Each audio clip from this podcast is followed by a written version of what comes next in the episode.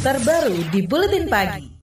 BPJS Kesehatan mengklaim kenaikan iuran peserta hingga 100% sudah memperhitungkan kemampuan masyarakat. Juru bicara BPJS Kesehatan Iqbal Anas Ma'ruf mengatakan, kenaikan iuran itu hanya menuruti instruksi Kementerian Keuangan saja. Kata dia, sejak enam tahun beroperasi, perhitungan iuran peserta belum sesuai dengan perhitungan aktuaria. Sehingga Kementerian Keuangan, karena domain untuk menetapkan penyesuaian iuran atau bukan itu di pemerintah. Karena opsi kan diatur di PP 87 2013. Jadi kalau kondisinya sekarang pemerintah berusaha untuk melakukan perbaikan dengan penyesuaian iuran, itu amanah peraturan presiden sendiri yang menyatakan bahwa setiap dua tahun dilakukan kajian terhadap besaran iuran yang ditetapkan. Juru bicara BPJS Kesehatan Iqbal Anas Ma'ruf juga menjelaskan defisit keuangan BPJS Kesehatan tahun ini diperkirakan mencapai hampir 33 triliun rupiah akibat besarnya tunggakan pembayaran untuk peserta mandiri. Sebelumnya, saudara pemerintah menyatakan tinggal menunggu peraturan presiden untuk menaikkan iuran BPJS Kesehatan. Kenaikan iuran untuk kelas 1 mandiri mencapai 100% atau dari Rp80.000 menjadi Rp160.000 per peserta per bulan.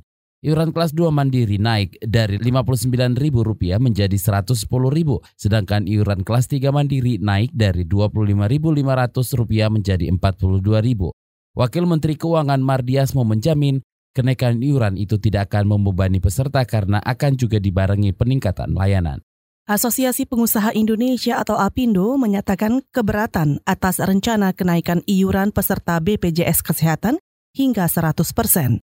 Wakil Ketua Umum APindo Suryadi Sasmita mengatakan rencana kenaikan itu mestinya dikaji ulang pemerintah karena saat ini banyak perusahaan yang sudah menanggung pengeluaran sangat besar. Jadi kalau kenaikan itu sekali cukup 100%, kita kita melihat begini, bisa sekarang lagi susah.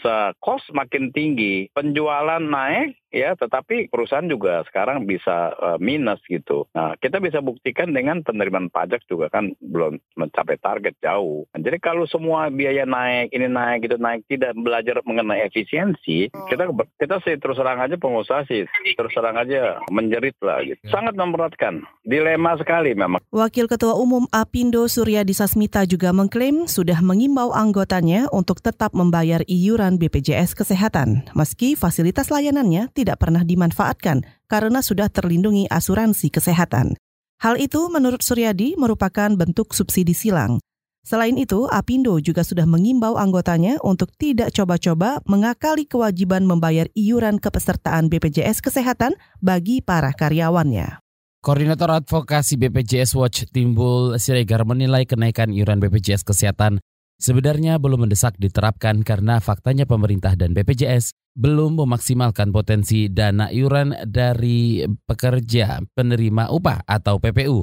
Kata Timbul, pekerja formal yang menjadi peserta dan membayar iuran BPJS Kesehatan belum mencapai 15 juta orang dari jumlah total pekerja formal lebih dari 40 juta orang. Jadi memang hukum positifnya sudah ada, sanksinya sudah ada, semua instrumen sudah ada, tinggal eksekusinya belum. Nah, itulah yang harus kita dorong karena PPU badan usaha potensialnya masih banyak uang yang untuk mendukung pembiayaan apa pendapatan DKR. Koordinator Advokasi BPJS Watch Timur Seregar juga menilai pemerintah belum maksimal menindak tegas perusahaan yang tidak mendaftar seluruh pekerjanya sebagai BPJS Kesehatan. Anggota Majelis Pelayanan Kesehatan Umum PP Muhammadiyah, Deni Wahyudi Kurniawan, mendesak pemerintah mendapatkan sumber-sumber dana lain untuk menambal defisit anggaran BPJS Kesehatan. Alasannya, menurut Deni, menaikkan iuran BPJS Kesehatan hingga 100% sekalipun tetap tidak akan mampu menambal defisit anggaran tadi.